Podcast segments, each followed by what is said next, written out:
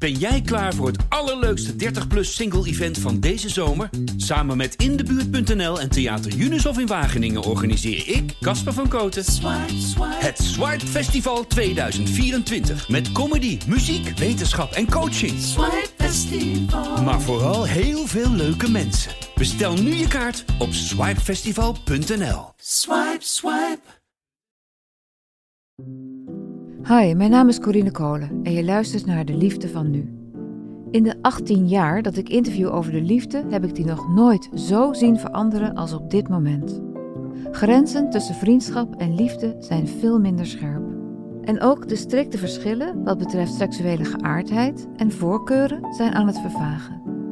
In deze podcast interview ik telkens iemand die vertelt over hun zoektocht naar liefde en vriendschap. Dit is de liefde van nu.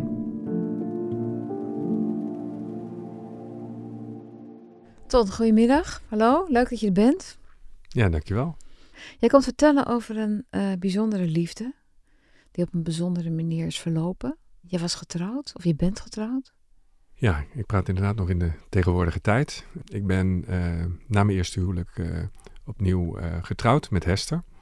We kwamen elkaar tegen en dat was ja, liefde op het eerste gezicht. Wat vond je leuk aan haar?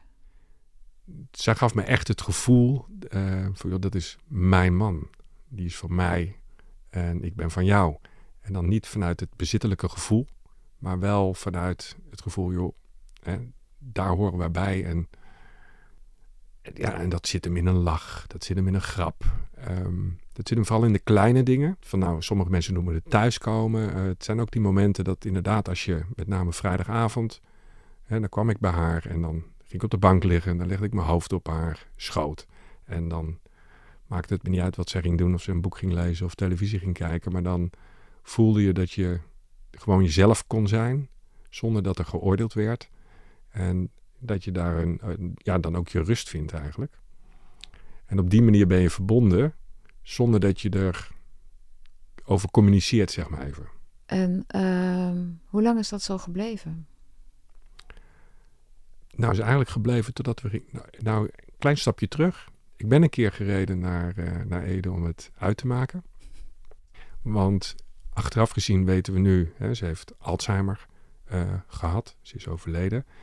Um, maar uh, dat ontwikkelde zich natuurlijk ver voordat die diagnose gesteld werd. Dus achteraf weet ik dat had toen al te maken met Alzheimer. Maar er was een moment dat ik dacht van, nou ja, beter kort aan pijn dan lange pijn, want het is best wel lastig. En toen reed ik naar Ede toe om het uit te maken. Maar ik heb het nooit meer daarover gehad. Ik heb het niet uitgemaakt. We hebben het ook nooit besproken. Waarom wilde je het uitmaken? Nou, omdat in haar gedrag zat soms wel een bepaalde onregelmatigheid. Dat ik dacht van, nou ja, waarom Um, vraag je dat nog een keer? Of waarom word je daar boos over? Of... Noem eens een heel concreet voorbeeld. Wanneer, wanneer begon je dat te merken? Dat dat gedrag afwijkend was of, of anders dan je haar kende? Nou ja, dit was dan na een jaar. Dus dan denk je... Na een jaar dat jullie elkaar kenden? Ja. En toen uh, was, deze, was dit moment. Ja. ja. ja. En wat, wat merkte je in haar? Nou ja, toen merkte ik geen onregelmatigheid. Omdat ik haar toen pas een jaar kende. Dus toen dacht ik van het hoort bij haar. En... Uh, maar het stond niet in relatie tot uh, nou ja, wat ik ook hoorde van haar vriendinnen. En hoe uh, ze werkte altijd met verstandelijk beperkte kinderen. Dus was heel erg ja, lief voor de omgeving. En, maar het waren dan met name de, ja, de dingen die er niet toe doen. Uh, als je je geschoren hebt en er liggen nog een paar baardharen op de wastafel. Dan mag je best wel een keer zeggen, joh, ruim dat op. En misschien doe ik het ook wel. Maar laten we daar vooral niet heel lang over praten. En, en dat deed ze? Dat, dat begon op een gegeven moment, ja. Maar ik ben twee jaar later gingen we samenwonen. Dus uiteindelijk was ook mijn middelste dochter het huis uit. En had ik er nog maar één. Uh, althans, die thuis woonde. En die zei op een gegeven moment in de winter van... joh, maar papa, waarom, uh, hè, we zitten met z'n tweeën in een groot leeg huis. Waarom gaan we niet lekker naar Hesten toe? En uh, ik denk, nou ja, dat laat ik me maar één keer vertellen. We gingen samenwonen in augustus, september. En dat ging eigenlijk gelijk mis. En dat kan ik wel heel goed relateren aan de ziekte. Want ja, er kwamen zoveel prikkels in het huis erbij. Hè. De, een, een, een, tiener, of nee, eh, nog, uh, nog jonger. En, en een man erbij. Wat gebeurde er? Nou ja, dan kreeg je bijvoorbeeld, uh, dan, kreeg, dan zei ze van, ja, je hebt de vaatwasser niet goed ingeruimd. Die had nog niet aangehoeven. Of, um, en uh, op het moment dat dan zo'n moment er was, dan zei ik natuurlijk wel van, nou, daar zal ik de volgende keer op letten. als je wil dat die voller komt, prima. maar dan moet het wel klaar zijn. En als dat dan doorgaat... En dat ging door? Dan, en dat ging door, ja. Hoe dan? Nou, door letterlijk bij wijze van spreken een uur later weer over die vaatwasser te beginnen, omdat we er dan toevallig naast stonden, uh, tot en met s'avonds in bed. Dat ze zei van, uh, ja, nou, het gaat toch wel allemaal heel moeilijk, hè, dat samenwonen. Want ja, met die vaatwasser en met... En dan werd het gewoon allemaal weer herhaald. En ja, ze was gewoon vergeten dat we het er al over hadden gehad. Schrok je daarvan? Nou ja, ik schrok er inderdaad van. Nog niet gerelateerd aan, aan de ziekte, maar wel dat ik denk van, joh, maar ja, dit was niet de Hester die ik getrouwd uh, ben. En begreep je meteen dat ze vergeten was dat ze het over had? Of zag je het als zeuren? Nee, ik zag het echt als zeuren, ja. Zeuren of, of ja, toch wel stiekem uh, een andere kant van de vrouw waar ik verliefd op ben geworden. En ja, dat kon ik toen niet meer rijmen. Want daarvoor hadden we altijd alleen maar in de weekend elkaar gezien. En nu ineens was het echt een... Uh, nou ja, ik wou bijna het woord hel gebruiken, maar het was echt zo erg dat ik ook in december heb overwogen om te scheiden. En ik had al een optie zelfs op een ander huis, een huurhuis. Um, want het was niet alleen mij, uh, het betrof niet alleen mij, maar het betrof ook mijn dochter. Kregen jullie ruzie? Ja, ja, ja, ja absoluut. Ja. Hoe gingen die ruzie? Nou ja, als het dan besproken was, dan, dan hadden we ook een, een oplossing. Dan waren we er ook uit, zeg maar even. Maar ja, als het dan s'avonds in bed weer begon. En ik vind, ja, de slaapkamer is wel een heilige plek voor mij. Daar, daar slaap je en daar heb je intimiteit. En ja, dan moeten we vooral niet uh, de problemen van de dag gaan doornemen. Dat moeten we maar op een bankje doen ergens in het park. Maar niet in bed. En zei je dan niet van, maar dit hebben we vanmiddag al besproken en we hebben vanmiddag een oplossing bedacht. Daar was je mee akkoord. En waarom begin je er nu opnieuw weer over? Ja, absoluut. En wat was haar antwoord dan? Ja, uh, natuurlijk ontwijkend. Uh, Want was er niet een soort schrikmoment ook van haar? Dat je dacht, dat ze ineens dacht van, oh shit, hier heb ik het al over gehad. Nou, ik weet wel dat ze dat had. Ik heb dat niet zelf gemerkt, maar dat heb ik later gehoord. Want zij was zelf degene die op een gegeven moment zei van, joh, ik denk dat ik uh, dementie heb. Wanneer was dat? Wanneer was dat moment? Nou, ik weet het van haar beste vriendin. Daarmee heeft ze het besproken. Dat was in december dat jaar. Dat zij, dus op het moment dat jij besloot of dacht, ik ga scheiden. Ik heb een optie op een nieuw huis. En op dat moment ging zij naar de arts. Of ging zij dat bespreken met haar vriendin? Ja, inderdaad. Toen ging zij het in eerste instantie bespreken met haar vriendin. Toen zei ze, joh, ik uh, heb dit en dit gedrag. Ik, ik merk wat aan me. Merk jij wat aan me? En toen zei haar vriendin, ja, ik merk dat ook. En wat merkte ze dan aan zichzelf? Nou, dat ze dingen vergeet, uh, dat ze um, anderen de schuld geeft, um, dat ze, ja, ze voelde dat ze de grip kwijtraakte over, uh, over zichzelf en over de situatie. Eigenlijk haar, haar zelfstandigheid aan het verliezen. Welke uh, grip was. was dat? Welke situatie was dat dan bijvoorbeeld? Nou ja, ze besprak het dus niet met mij, maar ik weet dus met terugwerkende kracht dat ze toen al bijvoorbeeld heel veel moeite had met klok kijken. Hè, hoe laat is het? Je moet je voorstellen dat als je niet weet hoe laat het is of twijfelt hè, hoe lang een uur duurt, alles draait in ons leven om tijd, dan loop je de hele dag tegen een bepaalde stress uh, ja, moment aan. En um, haar moeder had op uh, late leeftijd, op oude leeftijd, uh, dementie. En zij ging daar de relatie mee leggen met bepaald gedrag. En toen zei ze, ja, dan ga ik naar de arts toe naar de huisarts. Dan vraag ik of ik uh, doorverwezen kan worden. Dus en toen sprak ze ook haar vermoeden tegenover jou uit? Ja. Ik moet eerlijk zeggen dat ik dacht van, nou weet je joh, uh, lieve schat, ga lekker doen. Dan tikken we dat ook af, want dat is het toch niet. Hè, dat, uh, ik wist overigens toen amper wat dementie was. Maar ik weet wel dat ik toen dacht, dat is het niet. En, Want het is van oude mensen? Ja, ja.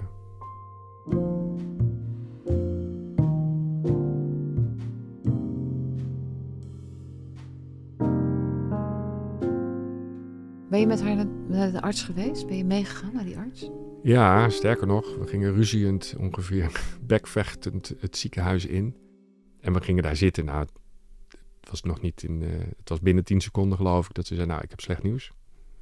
Wat voor testen krijg je dan? Nou, ze kijken naar, naar cognitieve, uh, cognitieve testen. Een van de testen is uh, tekenen klok, waar het bijvoorbeeld tien over tien is.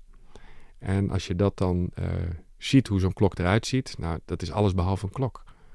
De getallen staan helemaal dwars door elkaar heen, uh, wijzers en ja, dat, dat, dat, is alles behalve een klok. Was ze in paniek op dat moment? Eh, nee, toen we de diagnose kregen was dat een geruststelling. Van, nou zie je wel dat ik niet gek ben. En voor mij van, oh ja, zie je wel, ehm, de Hester uh, waar ik van hou is er nog. Alleen, ik heb er een meneertje Alzheimer bij. Ja, want jullie gingen bekvechtend het ziekenhuis in. Hoe gingen jullie er weer uit? Ja, tegenovergestelde. Um, kijk, het, ik hoorde pas in het ziekenhuis dat je doodgaat uh, aan de gevolgen van uh, Alzheimer. Uh, want ik dacht toen nog van nou dat is vette pech, ben je 50 en zit je dadelijk op je 90 in een verzorgingshuis, heb je 40 jaar Alzheimer. Maar dat de gemiddelde leeftijd of de gemiddelde levensduur 9 jaar is, dat, dat wist ik niet. En, um, Was dat een opluchting voor jou? Voor haar? Nou, niet dat ze doodging. Nee. Dat het korter is dan. Dat het uh, eindig jaar. is op een gegeven moment. Nou, zo heb ik dat zeker niet gevoeld. Nee, nee, nee. Ik, ik, het was meer voor mij een, een bewustwordingsmoment dat je eraan overlijdt. Hester wist dat overigens wel. Haar kennis was al uh, verder. Maar geen opluchting voor mij. Wel een opluchting, hè? dus dat het niet aan haar lag. Hè? Uh, de, de karakterverschillen. Bij jonge mensen met Alzheimer verandert het karakter bijvoorbeeld heel snel. Wat je ook met uh, frontotemporale dementie hebt. En toen dacht ik van oké, okay, nee, maar dan heeft ze mijn zorg nodig. Uh, en ik hou zielsveel van de. Nou, dan gaan we er het mooiste van maken wat, wat we ervan kunnen maken. Maar, maar was er verdriet? Nou. Ja en nee, want je gaat ook niet morgen dood. Hè? Negen jaar is lang. Ik denk dat, dat, dat ik dat wegstopte, dat verdriet. Ja. En um, daarvoor kwam wel inderdaad de zorg voor terug. Maar ik bleef nog steeds wel lastig, uh, het heel erg lastig vinden om meneertje Alzheimer en Hester te kunnen scheiden. Ik ging ook vaak over de schreef. Vertel daar eens over. Vertel eens dat je een keer over de schreef ging. Nou, de momenten, de meeste momenten waarop ik mijn geduld verloor, is wanneer ze over mijn dochter begon. Weet je, daar, um, daar raak je me natuurlijk helemaal in het, in het diepste, want die is er niet bij, die kan zich niet verdedigen. En um, ja, en dat is zo van mij, of dat hoort zo bij mij, dat daar kon ze mij het meest uh, in raken. Um, en nu hebben we het wel over heel veel problemen. Maar we hebben wel ook heel erg veel gelachen. Want ik bedoel, wij hielden wel van een grap. En dus zij zei dan van ja, nou, als ik van het weekend een keer vreemd ga, hè, ben ik maandag toch weer vergeten. Ik wilde lotgenoten helpen, met name even met het feit dat dan zo'n diagnose bijvoorbeeld op jonge leeftijd heel laat gesteld wordt. Dus ze was heel open daarover en dat gaf ook wel heel veel rust, want ja, iedereen wist het. Dus de, er was geen taboe. En alleen zij zei altijd van ja, het valt allemaal, eigenlijk merk je er nog helemaal niks van. Want als zij naar buiten ging, dan, dan hield ze zich op voor de buitenwereld. Zoals je, ook als, je, als wij naar buiten gaan, doen we, onze, doen we een jas aan en zorgen we dat ze even wat mascara op hebben, ja. bij van spreken. En als ze thuis kwam, dan kon ze alles laten vallen en dan was ze gewoon die Hester met die Alzheimer. En naar buiten hield ze nog iets op voor de buitenwereld. Was dat het? Ja, ja, ja. en dat heeft ze volgehouden tot aan het verzorgingshuis. Wat grappig dat dat kan dan nog, hè? Ja. Dat, dat je dan kennelijk zoveel uh, wilskracht nog kan hebben om, om, dat, om die, zoals jij meneer Alzheimer dan, even de baas te blijven. Ja. Wonderlijk, hè? Of ja, niet? ja, ja. ja het, en daarom ga je er ook aan twijfelen. Want je ziet echt twee verschillende hesters. En dan denk je, ja joh, maar dat, dat kan niet alleen maar aan Alzheimer liggen. En omdat zij vriendinnen uh, had die ze al 30 jaar kende, ja, sprak ik ook vaak met hun. En dan zeiden ze, ja, maar dat, dat is Hester niet. Dat kan niet, dat heeft ze niet gedaan, dat heeft ze niet gezegd. Dat, uh... Ik zei, nou, dat is toch echt net gebeurd. Hè, dus ook aan mij ging men wel eens twijfelen. Maar um, dat was dan voor mij wel een bevestiging van, ja, nee, dat is dan wel meneertje Alzheimer. Maar ja, ik kan me voorstellen dat het voor jou heel raar is. Want het is dan natuurlijk ook, zoals ze naar de buitenwereld wel zich van haar goede kant liet zien, wil je natuurlijk ook dat ze dat bij je dochter doet. Want dat is nog veel dichterbij. Ja, en um, als dat contact één op één uh, uh, was en ik zat erbij of anderen zaten erbij, dan was het ook weer perfect. Um, ook wel op momenten dat ik er niet bij was. Hè, want achteraf gezien heb, uh, heb ik ook begrepen dat ze daar ook wel last van had zelf. Ze, ze realiseerde zich dat wel, maar ze heeft me dat nooit verteld. Wat realiseerde ze zich? Nou, dat dus inderdaad haar gedrag, de ziekte, de problemen veroorzaakt in het, in het contact onder andere met, met mijn dochter. Dat heeft ze jou nooit verteld? Nee, Hoe weet je dat ze zich dat heeft gerealiseerd? Nou, omdat ik een half jaar voor overlijden een soort dagboek vond. een boekje wat ik haar had gegeven waarin ze is gaan schrijven. En, ehm, en daar ben ik heel dankbaar voor, want eigenlijk heeft ze daarin een hele hoop mooie dingen verteld over en de excuses aangeboden naar Luna. En, ehm, en daardoor kwam ik er eigenlijk achter hoe zij heel erg eenzaam was in haar, in haar ziekteproces, in haar verdriet. Want haar trots kon het bijna niet uh, toelaten om daar dus over te praten. Behalve dan met één uh, vriendin. En, um, en daarin ben je dan heel eenzaam. En jij dan? Was jij dan niet eenzaam in je verdriet? Ja, op een gegeven moment wel. Ik ik ging in, met de vicieuze cirkel van haar ziekte ging ik mee. Ik had dat zelf niet zo door. En op een bepaald moment kwamen de, mijn oudste twee dochters bij mij. En die zeiden, papa, uh, als dat zo nog een aantal jaren doorgaat. En toen dachten we van, nou ja, dat kan wel zes, zeven jaar duren. Um, ja, je bent al zo lang alleen in de relatie. Jij moet door. Jij, wij willen wel een opa die straks voor onze kleinkinderen oppasopa kan worden. En toen realiseerde ik me inderdaad dat ik al in onze relatie heel lang alleen was. En op een gegeven moment was ook de intimiteit weg. Uh, er was niemand meer die mij s'avonds vroeg van, joh, hoe was je dag? Dat momentje van met mijn hoofd uh, op de schoot in slaap vallen. Uh, ja, die, die momentjes die werden spaarzaam als we thuis waren. En toen jouw kinderen dat tegen jou zeiden, toen realiseerde je dat je wel degelijk eenzaam was en dat je dat gewoon altijd had weggestopt? Of? Ja, toen realiseerde ik me eigenlijk hoe lang ik alleen was al in de relatie. Uh, hoe ongelijkwaardig de relatie eigenlijk al was. Maar ik hield ook van haar. Overigens, later kwam ik erachter dat in die periode hield ik van Hester om wie ze was. En niet op dat moment uh, van Hester om wie ze uh, toen is, zeg maar even in, in die tijd gesproken. Je had zoveel krediet opgebouwd in die jaren daarvoor dat je gewoon nog steeds van die Hester bent blijven houden.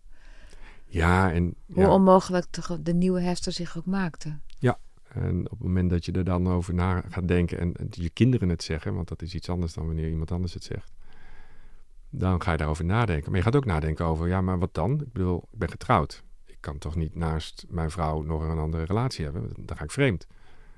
En um, dus dat, dat paste helemaal niet.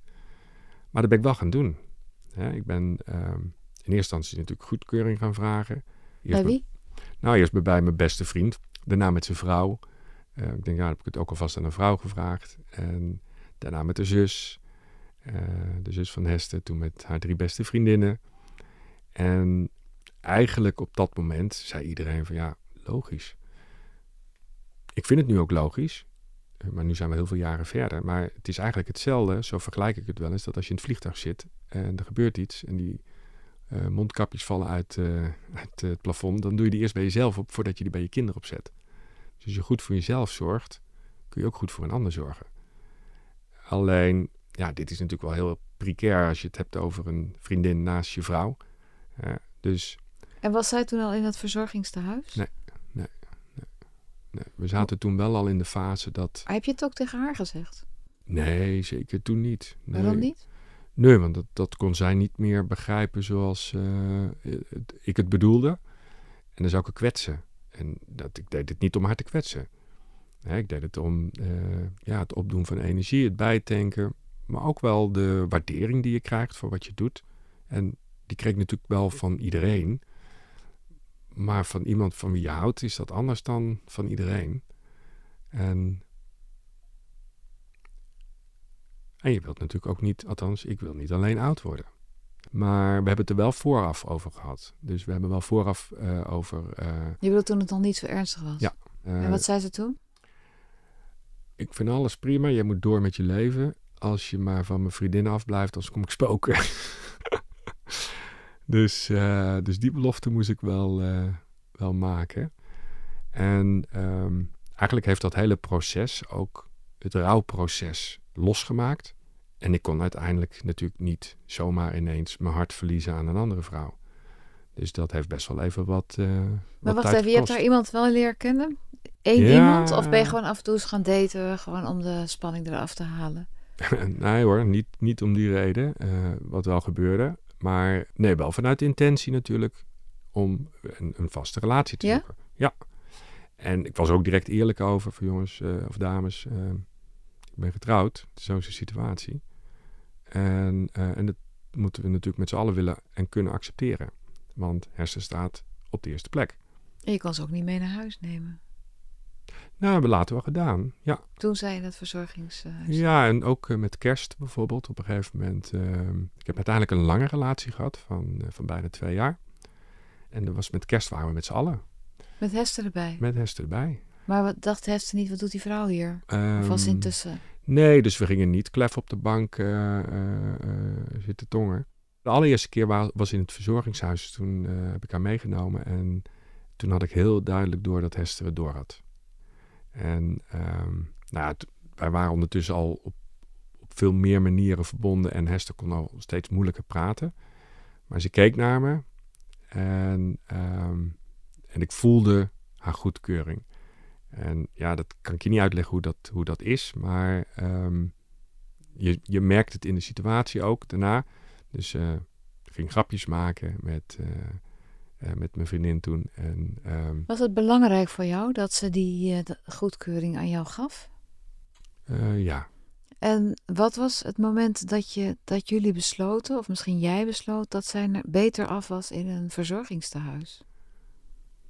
Nou, dat gevoel heb ik eigenlijk nooit gehad. Het was meer noodzakelijk kwaad dan beter. Ik had haar beloofd dat ze thuis kon blijven. Ik had gezegd, joh, weet wel dat iedereen roept dat het niet kan, maar als iemand het kan, dan ben ik dat. Dus reken maar, jij blijft gewoon thuis tot aan je dood. En ik faalde. Het lukte me niet meer. Ze was gewoon 24 uur iemand moest er bij haar in huis zijn. En ik was er natuurlijk s ochtends en, en s avonds en s'nachts, maar overdag niet. Nee, wat gebeurde er dan als hij uh, alleen was? Dan raakte ze in paniek. Steeds vaker. Dus uh, dan kreeg ik aan de telefoon en dan belde ze op, want dat lukte wel. En dan wist ze niet waar ze stond in het huis. En dan moest ik letterlijk vragen: uh, uh, leg je hand eens op iets neer. En wat is dat? Oh, dat is het aanrechtblad. Oh, dan sta je in de keuken. En wat, wat zoek je dan? Uh, en waar sta je in de keuken? En zie je, nou, op die manier praat ik haar telefonisch bij wijze van spreken door het huis heen. En de paniekaanvallen zorgden voor heel veel verdriet en huilen en, en mij bellen en bellen en bellen. Terwijl ik dan op mijn werk was. En ik had gelukkig al hulp van drie vriendinnen die drie keer in de week uh, kwamen. Maar ook voor hun werd het steeds lastiger. En uh, op een gegeven moment was het ook gewoon een uur lang alleen. Dat kon niet meer. En ik kwam bijvoorbeeld achter dat uh, als zij dan met de taxi werd opgehaald voor de zorgboerderij. En ik ging om half acht weg en ik kwam pas om negen uur. Dan stond ze anderhalf uur bij die voordeur te wachten, omdat ze niet wist hoe lang anderhalf uur duurde. En ondertussen ook niet meer wist hoe laat het überhaupt was. En dan ga je ook bellen. Toen zei ik, nou, toen ik daarachter kwam, dan bel ik je elke half uur wel op. Maar je voelt het verdriet. Of ze dat nou zegt of niet zegt. Je voelt de wanhoop, je voelt het verdriet. En ik zag het ook in de ogen.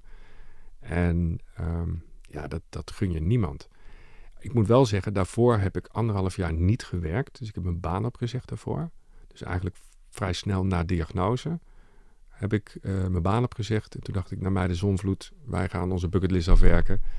En um, omdat ik dus merkte dat als ze buiten was, dan was het oude Hester. En helemaal in het buitenland, want ja, ik sprak die taal ook niet. En ik kende daar de weg ook niet. Dus het was heel normaal dat we gedesoriënteerd waren. En ja, dat, dat was fantastisch. Echt fantastisch. Dus op die manier hebben we, um, hè, want er wordt best wel veel gezegd over uh, ja, wat allemaal moeilijk ging en slecht ging. Maar ik heb echt ongelooflijk veel uh, met haar genoten. Waar zijn jullie geweest in die tijd?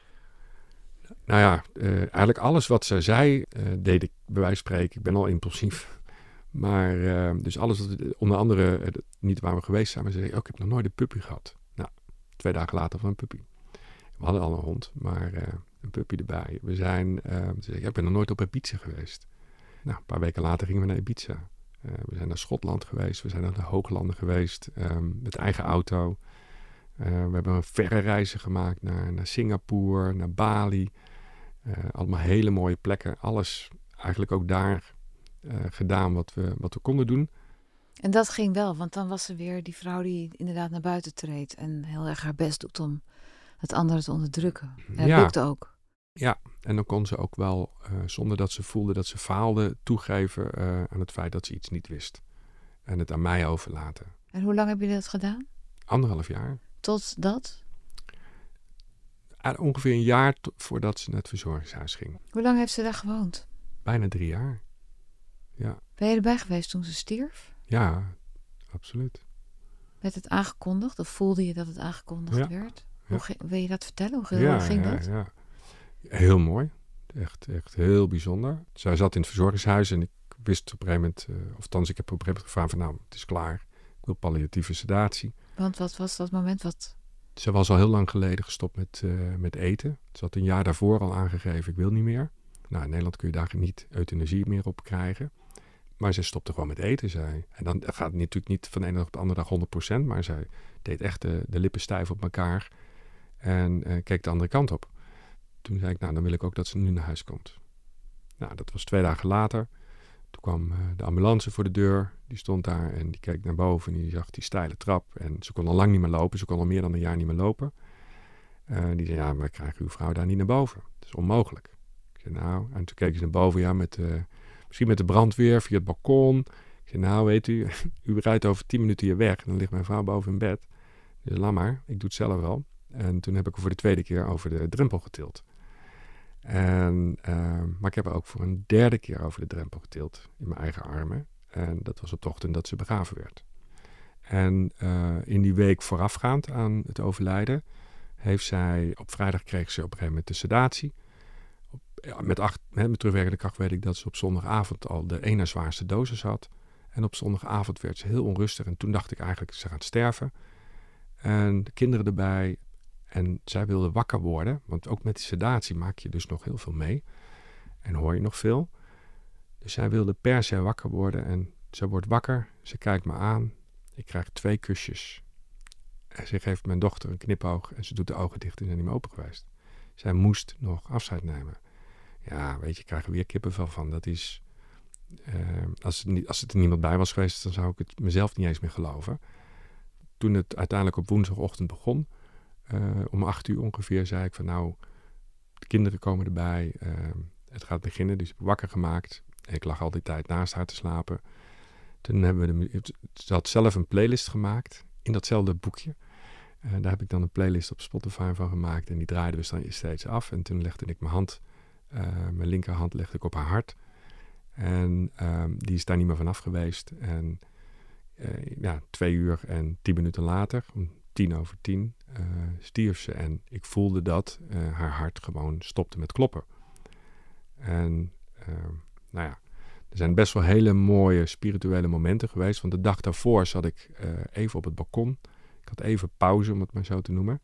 En ineens voelde ik warmte en licht en, en, en geluk. Ik moest lachen. Ik had een glimlach van links naar rechts. Ik denk, oh. En ik had daarvoor tegen haar gezegd, ik ga even weg. Want dat hoorde je dan ook vaak. Hè? Als mensen dan dat zeggen, dan kan niemand ook gaan. Ik denk, oh, ze gaat. En eh, dat voelde ik ook. Ehm, toen ben ik rustig teruggegaan naar de woonkamer. Ze lag in de woonkamer. En, eh, en ik zag haar gewoon ademhalen. Maar ik voelde gewoon dat ze al, met haar geest was ze al losgekomen. Ehm, dus dat voelde gewoon al heel goed. Maar letterlijk in dat moment heb je natuurlijk ook wel verdriet. Hè? Je, je, je- het is wel heel erg apart als je een hart van de vrouw van wie je houdt voelt eh, stoppen onder je arm of onder je hand. Wanneer was dit, dit jaar? Ja, drie maanden geleden. Hoe is het nu met je? Ehm, nee, wel goed. Ik, ehm, ik voel wel de rouw loskomen. Ehm, daar heb ik eigenlijk nog geen tijd voor gehad de afgelopen eh, drie maanden. Eh, dat voel ik nu wel. Maar ik weet ook, daar staat geen, hout, of er staat geen termijn op. Hè, bij, bij rouwen zeggen ze dan dat je, ja, dat je, dat je het kunt verwerken. Eh, ik hoef helemaal niks te verwerken. Het is, gaat niet om eh voltooid verleden tijd. Dit is, ik hoef haar dus ook niet los te laten, alleen op een andere manier te leren vasthouden.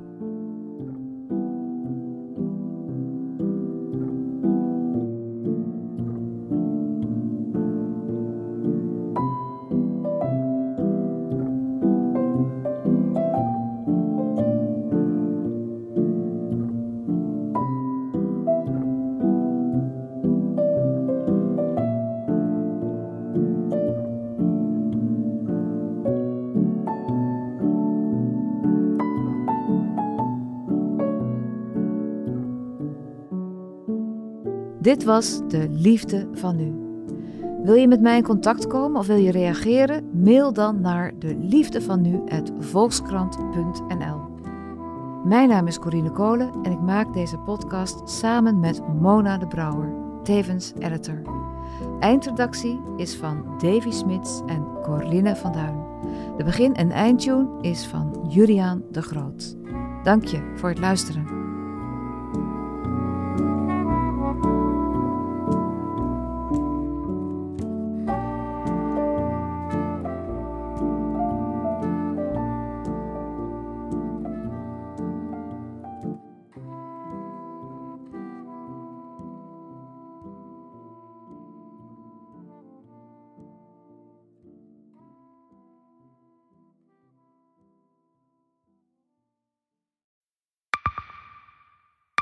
Zijn leven is overhoop gegooid.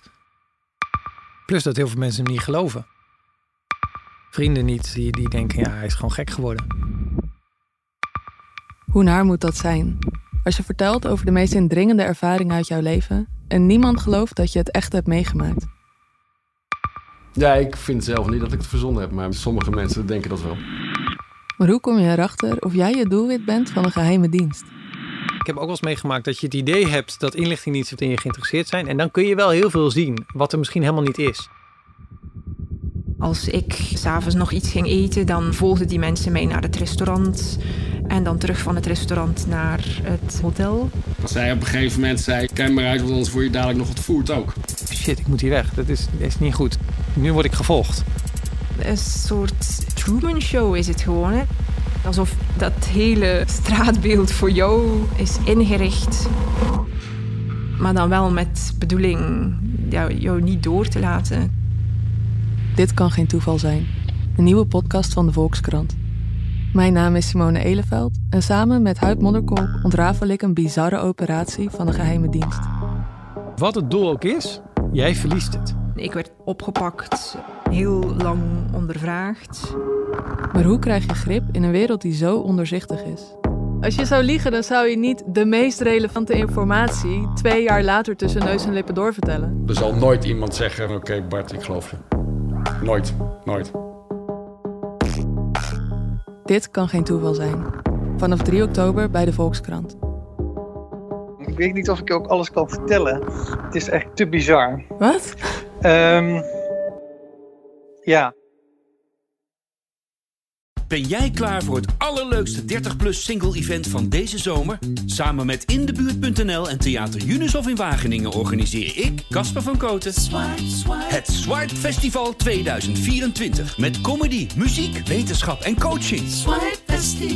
Maar vooral heel veel leuke mensen. Bestel nu je kaart op swipefestival.nl. Swipe, swipe.